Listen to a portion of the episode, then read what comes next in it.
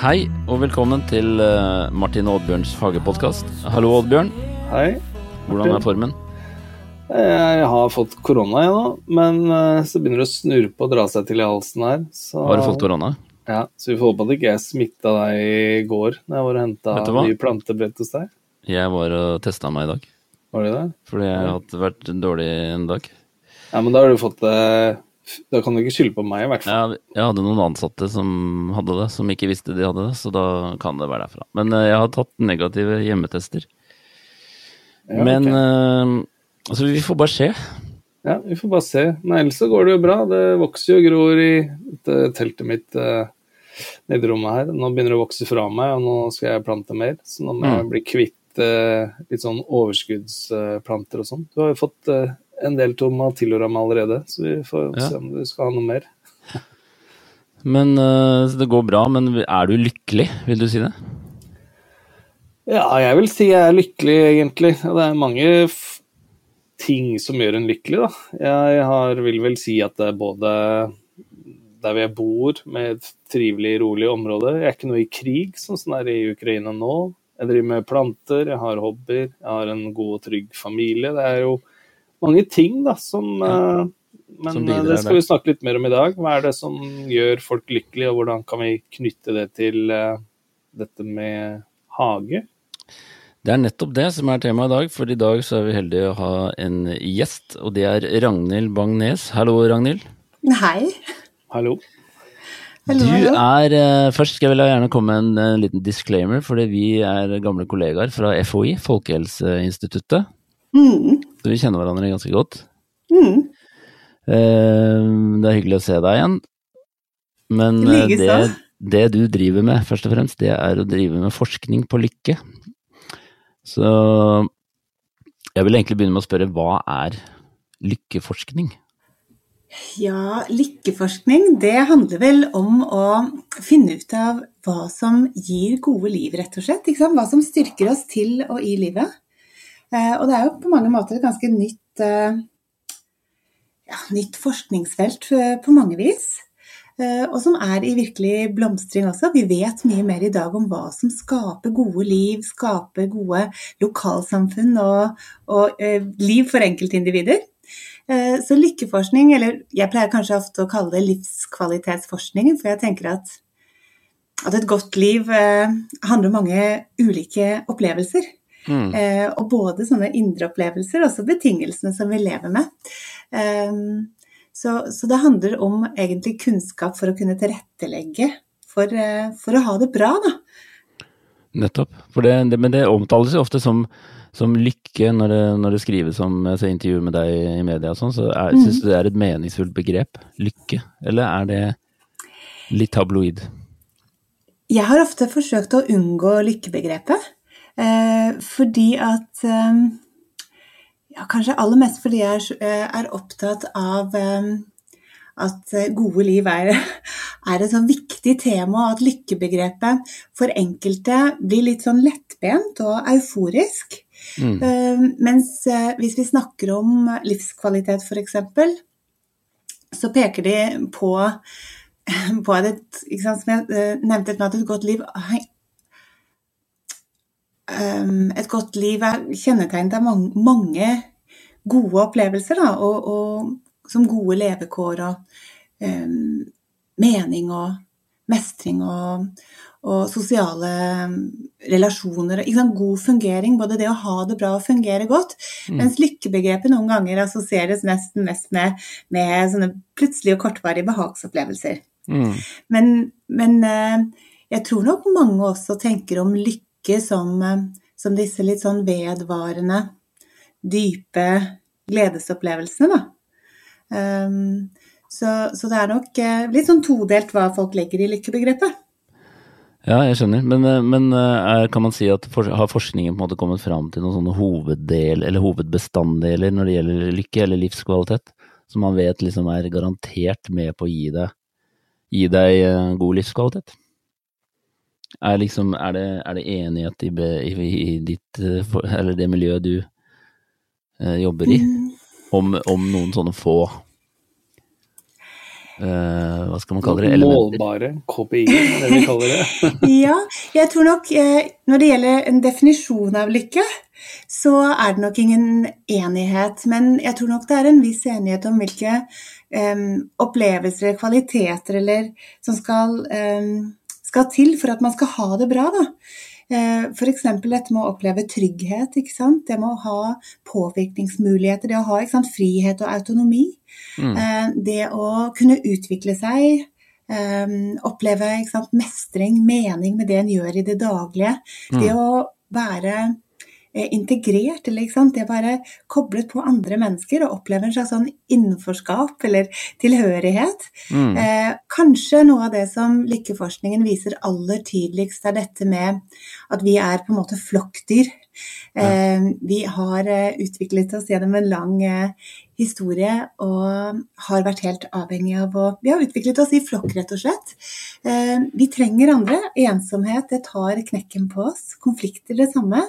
Mens dette med gode relasjoner båndene våre det styrker oss i møte med belastninger og kriser og gir glede. ikke sant? Mm. Latter rundt bordet. Eh, det støtter oss og, og ja, gir mening. Så, så, kanskje det er noe av det aller viktigste som, eh, som lykkeforskningen har vist, og som det er en fullstendig enighet om. Da, betydningen av bånd.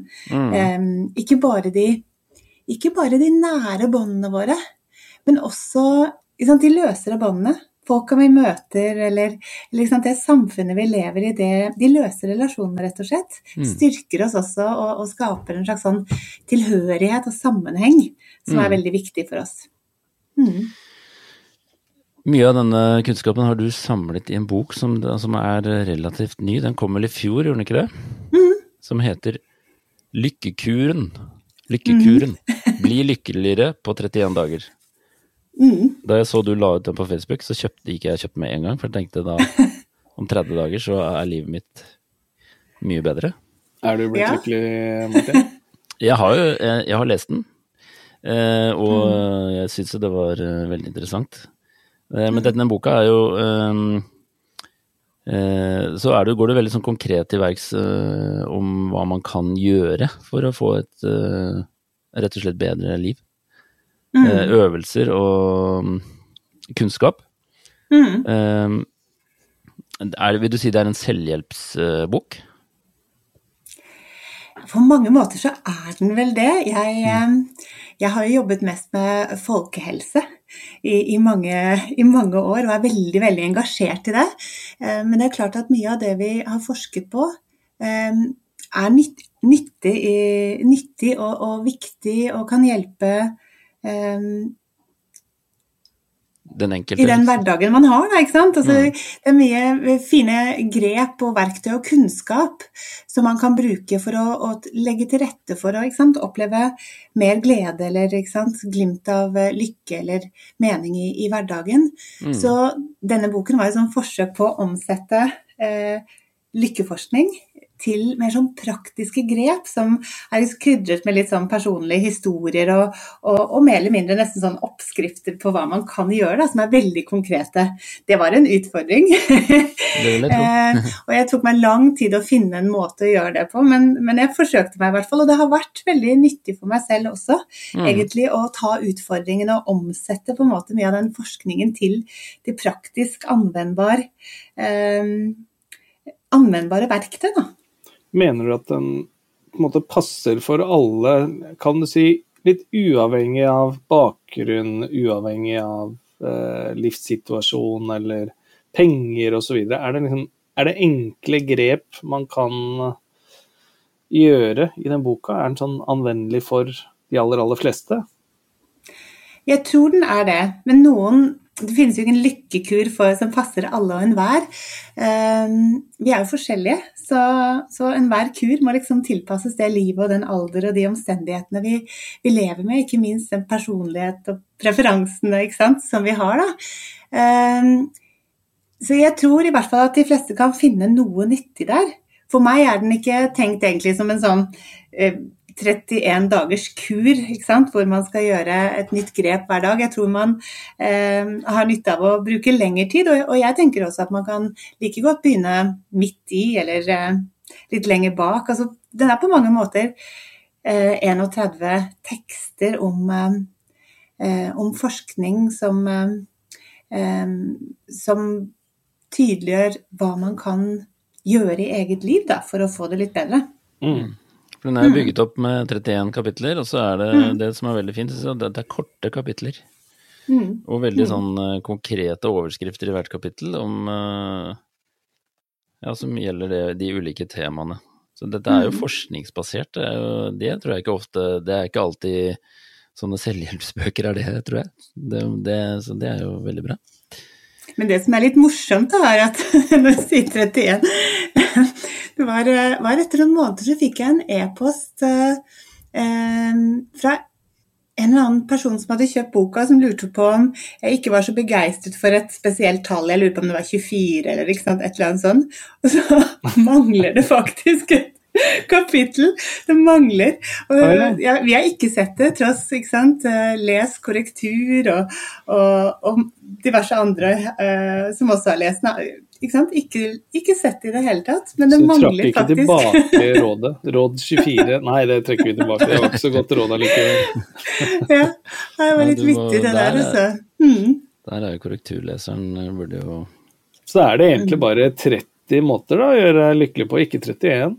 Mm. Jeg tror egentlig at det er eh, eh, Kan si at det er 31, for det er vel et sånt uh, lite postludium, holdt jeg på å si, eller en, en liten sånn oppsummering bakerst, som også er en tekst. Um, så, så, sånn sett så er det innafor å si at det er 31, da. Den kjøper vi.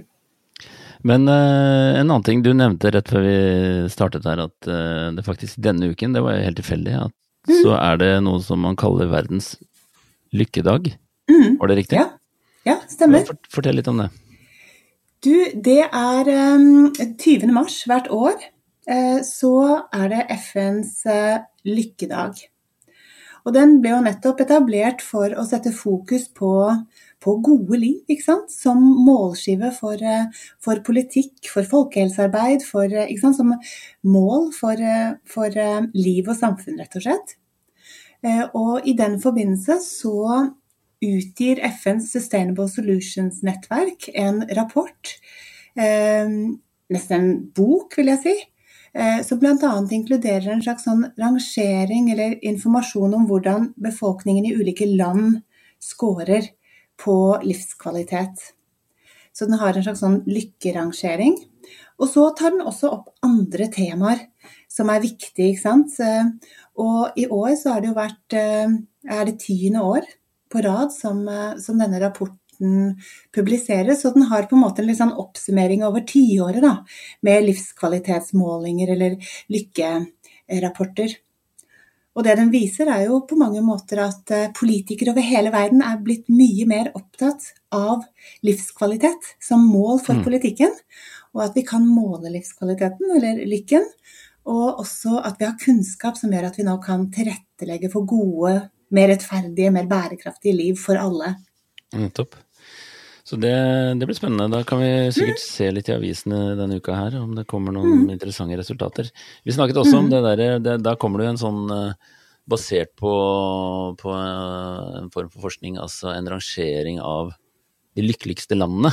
Mm. Er ikke det riktig? Mm. Og du sa noe veldig interessant, at uh, Norge, som alle som bor i Norge, antar vel at vi ligger eh, på pallen her. Mm. Men mm. du sa der har det vært en negativ trend de siste ti årene, var ja. det det du sa? Det har vært en negativ trend. Eh, det var vel kanskje i 2017 at vi lå helt på toppen av den rangeringen. Ja. De nordiske landene har på en måte eh, stort sett ligget i, i, toppen, selv om Sverige har ligget noe lenger ned inntil i år, egentlig. Um, så det er noe med de nordiske velferdsstatene som leverer på en måte i forhold til hva, hva mennesker eh, opplever som gode samfunn. ikke sant? Det tilfredsstiller sikkert sånn fundamentale menneskelige behov ikke sant? for nettopp trygghet ikke sant? og omfordeling av velstand um, osv. Det er lav korrupsjon, det er tilgang på natur- og grøntarealer, det er gode mm. velferdsordninger osv. Men vi har sett en negativ trend for Norge. I år uh, ligger Norge på en åttendeplass.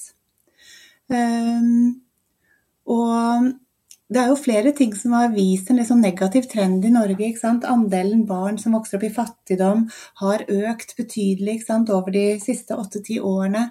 Eh, andelen som lever med vedvarende lavinntekt. Livskvaliteten er blitt stadig mer skjevfordelt.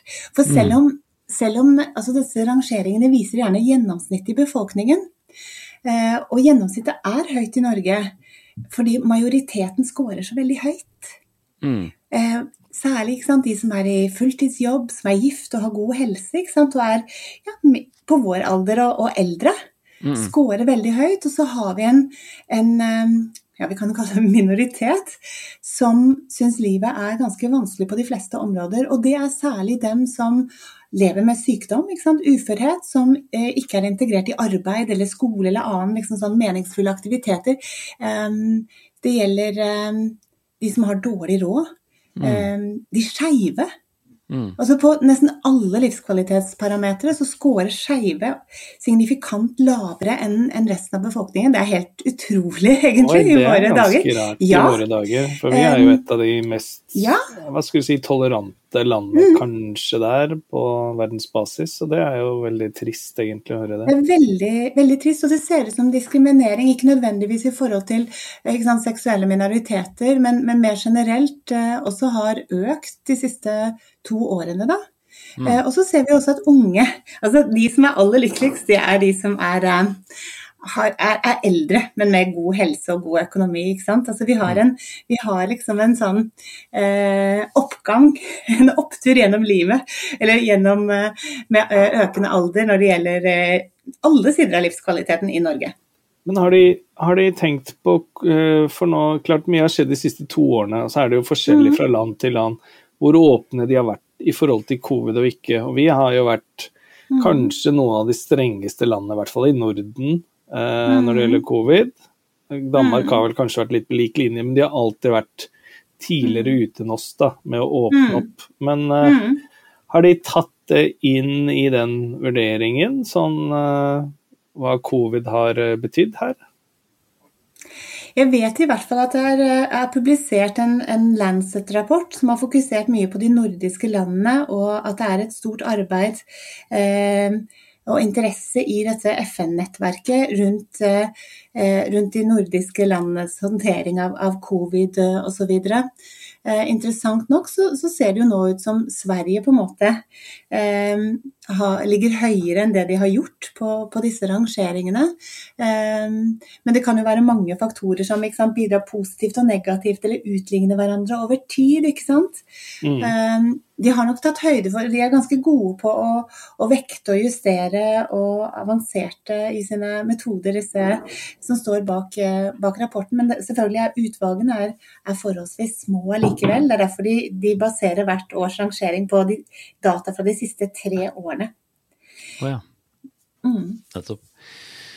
Men uh, dette er veldig interessant. Men jeg tenkte vi skulle snakke også litt mer, litt mer konkret om det, der, eh, det temaet som vi eh, er liksom uh, Det vi driver mest med, nemlig Ja. hage. Og da hadde jeg lyst til å lese en starten på et kapittel uh, i boken din som heter Om å plante lykke. Mhm. Og det starter sånn her. Vi må bare prøve og prøve og prøve og prøve å få noe til å gro, sa faren min. Da visste han at han skulle dø. I begravelsen noen få dager senere fortalte en venn av ham at pappa hadde gitt dem et tre. Faren min tenkte nok mest på vekst i metaforisk forstand, og det er særlig i møte med utfordringer at jeg minnes hans ønske om å prøve og prøve å få noe til å gro. Men å få noe til å gro er viktig også rent bokstavelig. Å plante og nære vekster er nemlig en av de mest lykkeskapende hverdagsaktivitetene som finnes. Det var det første avsnittet. Ja. Det var Ja, veldig men det bra stemmer. skrevet. Det var veldig bra skrevet, syns jeg. Veldig sånn bra forklart på ja, både metaforisk og Men hva, hva er det, for å ta det først, hva er det, hvorfor tenker du på dette her når du, møter, når du er, eh, møter litt motgang i livet? Det å få noe til å gro. Mm. Altså, jeg tenker jo at det er noe av det vi, det vi alle um, um, helst bør, bør drive med, altså som livet handler om. Det å, å utvide oss, utvikle oss, stå i krise, men reise oss igjen. ikke sant? For jeg syns det er det, det mye av livet rett og slett handler om. Mm. Det å få noe til å, å gro, det å utvikle, utvikle seg. Og jeg, for meg så, så Vi snakket litt om lykkebegrepet i stad. og eh, Ofte så tenker vi kanskje på lykke som det å ha det bra her og nå. Uh, men jeg tenker en annen side av lykken, eller lykkebegrepet, som kanskje de antikke filosofene var særlig opptatt av, og som, som kanskje også ligger til grunn for veldig mye lykke, er dette med lykken som det å fungere godt. Utvikle seg, det å ta utfordringer, forplikte seg til vanskelige oppgaver, lære nytt, være nysgjerrig. Um, det å få ting til å gro, rett og slett. Mm. Så jeg tenker at, at, lykken på mange måter handler om det, akkurat som livet også uh, har det som en slags sånn kjerne, da, eller kjerneoppgave for oss. Ja, det, er det er også meningsfullt og, ja. og givende. Mm. Men, men du skriver også ganske morsomt om at uh, din, uh, dine første erfaringer med hagearbeid, det var ikke så lystig, fordi du ble satt til å luke, Nei, til å, til å høste solbær fra en solbærhekk mm. med 22 mm. solbærplanter. Mm. Det var nesten et slags traume. Og at det tok, ja. Eh, det tok noen uh, år før du, før du kunne Og jeg syns det var fælt, du, det altså. Der tror jeg er det der, samme jeg opplevde, Martin. Mm. For det eneste saften vi fikk hjemme da vi var mm. små, det var solbærsaft. Mm. Fikk, kjøpte ikke noe annet, og jeg var så misunnelig når jeg kom til alle kamerater som hadde Fun-saft eller ja, alle mulige Kjøpesaft. Kjøpesaft, ja. Det var mye bedre mm. enn den solbærsaften til moren min. Men det skulle vi ha, for vi hadde jo masse solbærbusker, så lykken var jo stor når de solbærbuskene ble tatt av dage på, på et eller annet tidspunkt. Men du, du, skriver også, Ragnhild, at du da i, under det første året i koronaen at du fikk eh, noen frø til, mm. til bursdagen din. Mm. Og at da ja. ble det vekket til live en interesse hos deg. Og da prøvde du å dyrke ja. chili og cayenne. Hvordan gikk det til slutt? Fikk du, noe, fikk, fikk du høsta noe? Jeg fikk ikke høstet så mange chilier. Og jeg hadde veldig mange ulike chiliplanter. Og altså, det var en fantastisk opplevelse å, å, plante og følge de frøene ikke sant? til spire, og etter hvert til, til ganske store planter også. Det fikk ikke så mange chilier. Jeg skulle gjerne hatt mange, mange flere. Jeg forsøkte meg på utrolig mange varianter av chili også. Når har du um, bursdag, forresten? 10. februar. Ja, så mm. da, det var egentlig et eh, bra tidspunkt å starte Ja, det var, var det. Og det som forundret meg veldig med chiliplantene, var at det tok jo så lang tid før de spiret. Mm. Jeg tror det tar mm. ofte rundt to uker. Jeg, I hvert fall gjorde det med ja, mine. Og jeg, jeg, tenkte liksom at det må være noe feil med disse frøene. ikke sant? Mm. Og jeg gikk og ventet og ventet. Men, eh, men, jeg har tenkt på det i år, for jeg har ennå ikke plantet i år. Og det å, å tenke tilbake på, eh, på særlig på, og, på, det året, da, altså for to år siden, eh, når jeg først satte i gang og, og den forventningen på morgenen sant, til å se om det hadde spiret, sant, om det gro og følge disse vekstene, mm. det, var, det, ga utrolig mye glede i hverdagen, altså. Mm. Eh, og, og, gjennom hele våren og, og sommeren også. Men, eh, men, jeg fikk ikke så mange chilier, så det har jeg behov for å lære mer om. Og kanskje komme til deg og kjøpe noen eh, planter, kanskje. Kan kjøpe noen ferdige planter, ja. Det ja, kan jo være givende, det òg. Men, eh, men, hvis du tror at det er mulig å, å plante fremdeles? Eh, jeg tror chili er litt Der har vel toget gått, eh, ja. Oddbjørn? Mm. Ja, mm. eh, no, du har noen tidlige sorter der, og noen tidlige sorter mm. på paprika og sånn, men jeg tror jeg hadde stått over den dem, og så hadde jeg heller kjøpt mm. planter som har kommet et uh, stykke på vei. Så da har jo Martin en del, eller så har jeg noen uh, ekstra meksikanske òg som jeg uh, må kvitte meg med nå, for jeg har satt 50 stykker, og det har jeg ikke behov for. For selv. 50, ja. men du kan jo begynne nå, er en fin, fin tidspunkt å så tomat, da.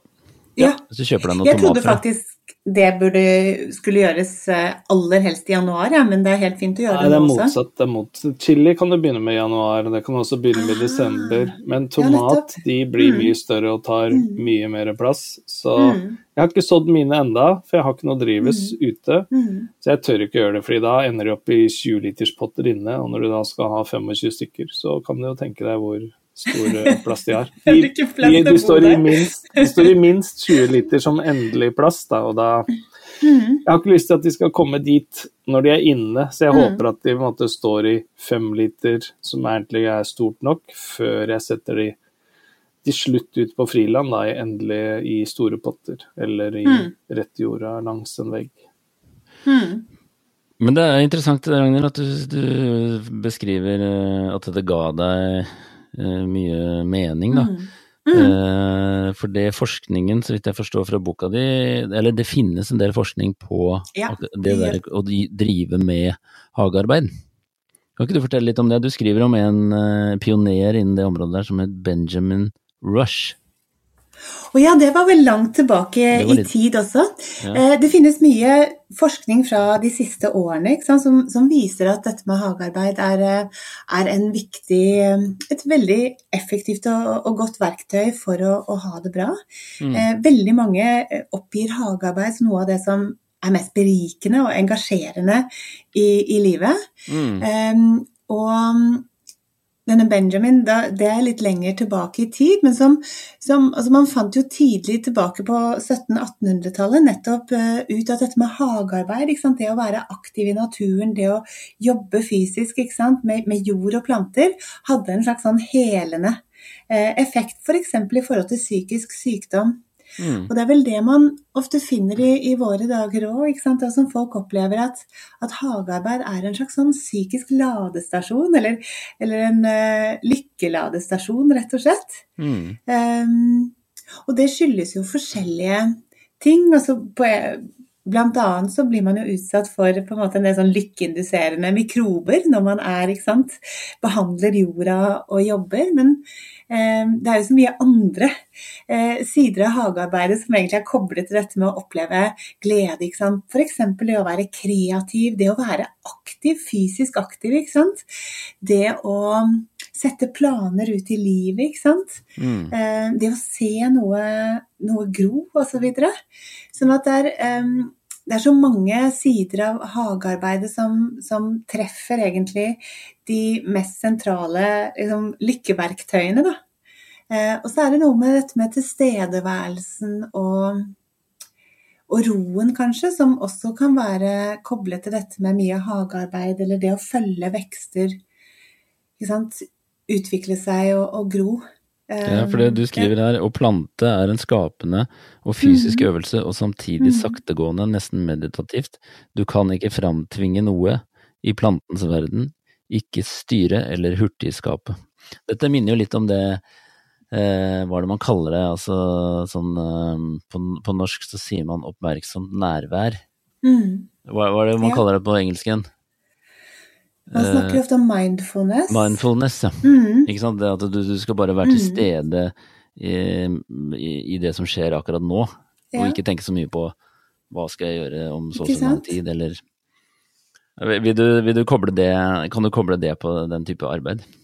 Ja, det tenker jeg absolutt. Jeg tror, altså, jeg tror de gangene altså, jeg, har, eh, jeg har jo hatt en hage eh, i hele mitt eh, voksne liv, og, og det å altså For meg er det en fantastisk opplevelse å sitte og Altså, jeg liker å, å, å luke, jeg liker å liksom holde på med jorden. og jeg ser jo liksom hvor fint det blir. Ikke sant? Jeg ser så stor forandring ikke sant? Eh, over kort tid. Og ofte så Jeg er jo ikke sånn gårdbruker som må ut i all slags vær, ikke sant. Jeg kan, jeg kan trekke ut når det er godvær, ikke sant. Som en kontrast til skjermarbeid, ikke sant. Og vanlig sånn kontorjobb, som, eller sånn forskerjobb. Mm. Så jeg får denne kontrasten og den variasjonen som er så viktig for å ha det bra også. Og så det å sitte der og kjenne liksom sola varme nedover ryggen mens jeg, mens jeg eh, rusker opp eh, ugress eller planter eller gjør det fint. Altså, og den tilstedeværelsen der, det er en sånn fantastisk følelse av flyt. Eh, Ja. Helt klart. Det er liksom eh, de lykkeligste øyeblikkene omtrent. Det er liksom fri for eh, Det er harmoni. Rett og slett. Det, det er noe du skriver om også som heter Du kaller den den audaimoniske lykken. Det vil Ja. si ly, lykken Mm. man opplever når man skaper noe. Ja. og er i flyt og realiserer seg selv. Mm. Jeg liksom er i Jeg tenker jo på mange måter at lykke altså Delvis handler om å ha det bra, men det er å, å være liksom virksom, da. Mm. Det er jo noe av det vi skal forske videre på nå, er kanskje lykken mest av alt. Eh, eh, meningsfylt virke, ikke sant. Eh, og det er jo definitivt, ikke sant. Hagearbeid, ikke sant. Mm. Um, men akkurat det med, det med tilstedeværelse, altså, det er jo egentlig noe av det som er koblet veldig til det å oppleve at livet er godt. Og når, når man ser på ulike altså forskning eh, på eh, tiltak da, for lykke og gode liv, så, så kommer nok ofte sånne mindfulness-type eh, intervensjoner veldig, veldig godt ut. Men ikke nødvendigvis altså Man ser jo også at mer som tilfeldig, hverdagslig hjemme mindfulness, hvis vi skal kalle det det, Mm. eh, er like effektivt som sant, å gå på meditasjonskurs. Det å ta oppvasken oppmerksomt, eller luke oppmerksomt.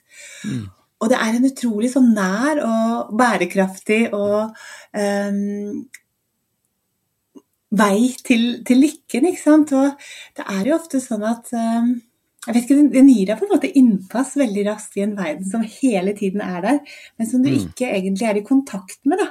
Når Mm. man ikke sant, løper rundt i hverdagslivet, så når man stopper opp og, og luker eller planter så, og er til stede, så, så bringes, bringes man lett og raskt inn i en veldig god og nær og bærekraftig ikke sant, rom eller mental tilstand. Da. Man ser jo også faktisk i, i mye forskning eh, at bare dette med tilstedeværelse i natur Mm. eh, løfter en. Og i, eh, i f.eks. Japan så har man jo en sånn skogbading som et folkehelsetiltak. Shinrin-yoku kalles det vel. Og, og det går jo rett og slett ut på å være på en måte i skog eller i grønn natur. Eh, det har en liksom eh, stressreduserende eh, effekt, styrker immunforsvaret Mm. og gir liksom mentalt påfyll. da. Um, og også nyere forskning fra, fra vår del av verden viser at bare det å sitte i grønn natur Jeg tror det var noen av disse ferskeste studiene viste sånn 90 minutter i uken eller et eller annet sånt, har en, eh, har en god effekt for oss. Så Mm. disse gamle studiene fra, gamle, fra 80-tallet, hvor, man, eh, hvor man studerte pasienter da, som var nyoperert eller sant, lå på sykehus, eh, og fant at de som, de som hadde utsikt mot eh, sant, grønne treklynger eller eh, sant, grønn natur, de kom seg raskere. Mm. De følte også selv at de gjorde det, men også ble vurdert av, av sykepleiere å komme seg raskere. Og, um, Mm. og de hadde behov for mindre smertestillende medisiner. Så vi er på mange måter tropiske dyr altså, som uh, har utviklet oss gjennom eh, en lang eh, evolusjonshistorie i natur, og som, som henter liksom, glede og påfyll nettopp i, i, um, i natur. Jeg tror det er veldig mange som liker å Det er vel en grunn til at det er eh, Nesten alle har en eller annen sånn stolgruppe, hvis de har plass inne i drivhuset sitt. Ja, nettopp. gå inn og så sette seg der blant plantene. Jeg hadde jo Mm. sånn stressless nesten nede i det planterommet mitt, Martin. Ja. Så eh, hver gang. Det var mitt, eh, eller det er Mm. mitt lykkeland. Mm. Så hvis kona ikke veit hvor jeg er, så veit hun at da sitter jeg nede i lykkelandet mitt og filosoferer med chili og tomater på alle kanter. Man kan jo også lage seg sånne grønne rom, enten man har en slags bileilighet, eller sant, om det er midt på, på vinteren, og, og skape sånn påfylls- eller psykisk ladestasjon eh, uten at det er drivhus også. ikke? Jeg tror det er magisk det der med å liksom sette et frø i jorda, Mm. og så liksom se det komme opp og Mm. spire og bli nytt liv. Mm. Det, Mm. det er kanskje noe av det mest magiske for min del, Mm. da. Og det ser jeg jo Jeg legger jo ut mye av dette her, og nå begynner jeg å se sånne venner jeg har, får jeg Snapchat, ikke sant, så Mm. ser jeg at uh, nå er de hjemme, nå prøver de å så her og der og en med andre, da, sammen med Mm. barna sine. Mm. Så har jeg kone som jobber i barnehage, og der driver de også og skal så sår de frø, sånn at barna får liksom se hvordan ting vokser til osv. Mm. Og det, det er klart, dette syns jo barna er kjempestas å se. Mm. Du skriver jo også om, eh, litt morsomt, om din eh, din eldre tante Liv ja. på 93 som, ja. som vurderte at hun skulle la være å plante, fordi Mm. det var ikke sikkert at uh, jeg lever til neste år, skriver, sa hun til Mm. deg. Men så ble det stusslig, og hun satte i gang, og hun plantet uh, petunia foran kjøkkeninngangen fordi hun er så tradisjonsbunden. Mm. Og 80 stemorsblomster og Mm. geranier og eh, røtter til skaugunnsbegonia. Så hun, hun klarte på en måte ikke la, la være. Nei, Til hun tross for at hun, Hun, eh, hun tenkte Mm. er det noe vits, men eh, hun, hun Ja. måtte bare gjøre det. og jeg tror nok det både har vært en, sikkert en lykkepille og en ikke sant, holdt henne i live. Og nå er jo dette et par år siden jeg snakket med henne i går. Nå er hun jo enda eldre. Eh, Og jeg tipper at hun skal i gang med samme planteaktivitet i år, Ja, ja. altså. Det merker jeg Eh. veldig godt. De jeg snakker med hos meg, er de, de gleder seg fryktelig til sesongen Mm. begynner. Mm. eh, Vårsesongen hvor de skal kunne holde på. De har på en Mm. måte vært i en slags dvale eller hi hele vinteren, og så, så er det Mm. bare å sette i gang igjen. Men jeg syns vi har snakket om utrolig mange interessante ting. Jeg har lyst til å avslutte Oddbjørn, hvis ikke du har noe noen Nei, noe eh, oppfølgingsspørsmål, så vil jeg avslutte med et sitat her som jeg fant på noe som heter Pappablogg. Og det er ikke et sted som jeg eh, er veldig mye inne, men jeg, jeg prøvde å gjøre litt research da, til denne episoden. Mm. Og han, eh, Pappablogg, han hadde lagt ut et sitat. Et, jeg lurer på om det var et kinesisk ordtak. Eller dansk. Men det gikk Ja, det, var, det var nesten Fra et eller annet sted, i hvert fall. Det var fra et land i verden. Og det var som følger Vil du være lykkelig en dag, så Mm. drikk deg full. Vil du være lykkelig et Mm. år, så gift deg. Mm. Vil du være lykkelig resten av ditt liv, så få deg en hage. Det syns jeg var en bra. En oppsummering av det vi har vært inne på i dag. Mm. Ja, jeg tror det er mange som kan bekrefte det med å Jeg har jo en sjef eh, på jobben min, Jakob. Han, eh, han ble spurt på en annen podkast liksom, hva, hva er det du som gjør deg lykkelig i hverdagen. Og det var å holde på nede i hagen. Da kobla han av. Mm. Så er det flere Instagram-kontoer jeg ser, bl.a. en som heter Terapihagen. ikke sant? Så det Mm. er, det er veldig mange som jeg tror det skaper ro Mm. for, da. Gir lykke. Eller det er Og folk bruker det som terapeut. Altså, Mm. de gir jo hageterapi til klienter, ikke sant? psykologer osv. Jeg skal ta med meg det sitatet fra et eller annet sted i verden, Martin, og Jeg skal sende la meg inspirere. For det var veldig det var utrolig godt å bli, bli liksom minnet om ikke sant? hvor berikende og hvor på en måte Mm. meningsfylt og ikke sant? lykkeinduserende, egentlig. Mm. Eh, Det er med, med å se planter vokse. Hvis jeg skulle komme med et avsluttende erfaringsbasert råd, fra Mm. min, så er det Mm. både fra min egen erfaring og at jeg snakker med veldig mange kunder hos meg, da, så er Mm. det der å finne, eh, finne Hvis du har en hage eller en terrasse eller noe sånt, det å finne sitt ambisjonsnivå først, Mm. det er lurt. Ja. For det har jeg også opplevd eh, Jeg har også sett eh, på nært hold og opplevd og rivd meg i håret over at eh, jeg eh, har hatt for høye ambisjoner. Ja. Og så Men man må prøve å feile, da. Du må prøve å feile, og du må, du liksom tenke at det er greit å feile. For hvis du lager Ja. for store planer og ambisjoner som du ikke får til, så er det som alt Mm. annet i livet. Da, da blir det frustrasjon. Mm. Ja, og da, det var litt Jeg hadde et, et år eh, for 20 år siden også hvor jeg kastet meg over eh, planting og hagearbeid. Og jeg tror det var sommeren eh, 2000, ja. Og den sommeren var så kald. Og, var, og jeg hadde så enorme ambisjoner. Og jeg plantet så mange, eh, mange frø og så mange ulike arter. Og det kom jo ikke en solstråle hele sommeren. det var så skuffende. Jeg sylte ut noen sånne kartplanter eller noe sånt på høsten. Og, og jeg mener, det hadde jo liksom sysselsatt meg hele, hele våren og, og sommeren, men det var liksom ingen Det var ingen på en måte belønning. Nei, og da kan det Så- bli skuffende. Så, så jeg tror det er et veldig godt råd. Ja. Men med de, med de ord, som man sier, så sier jeg tusen takk, Ragnhild, for at du ble med på podkasten vår. Jo takk, kjempehyggelig. Veldig bra. Oddbjørn, vi ses, vi. Ja, vi gjør det. Takk skal du okay. ha. Ja. Takk for nå. Ha det. Ha det. This house wasn't here before. When I left, there was an open.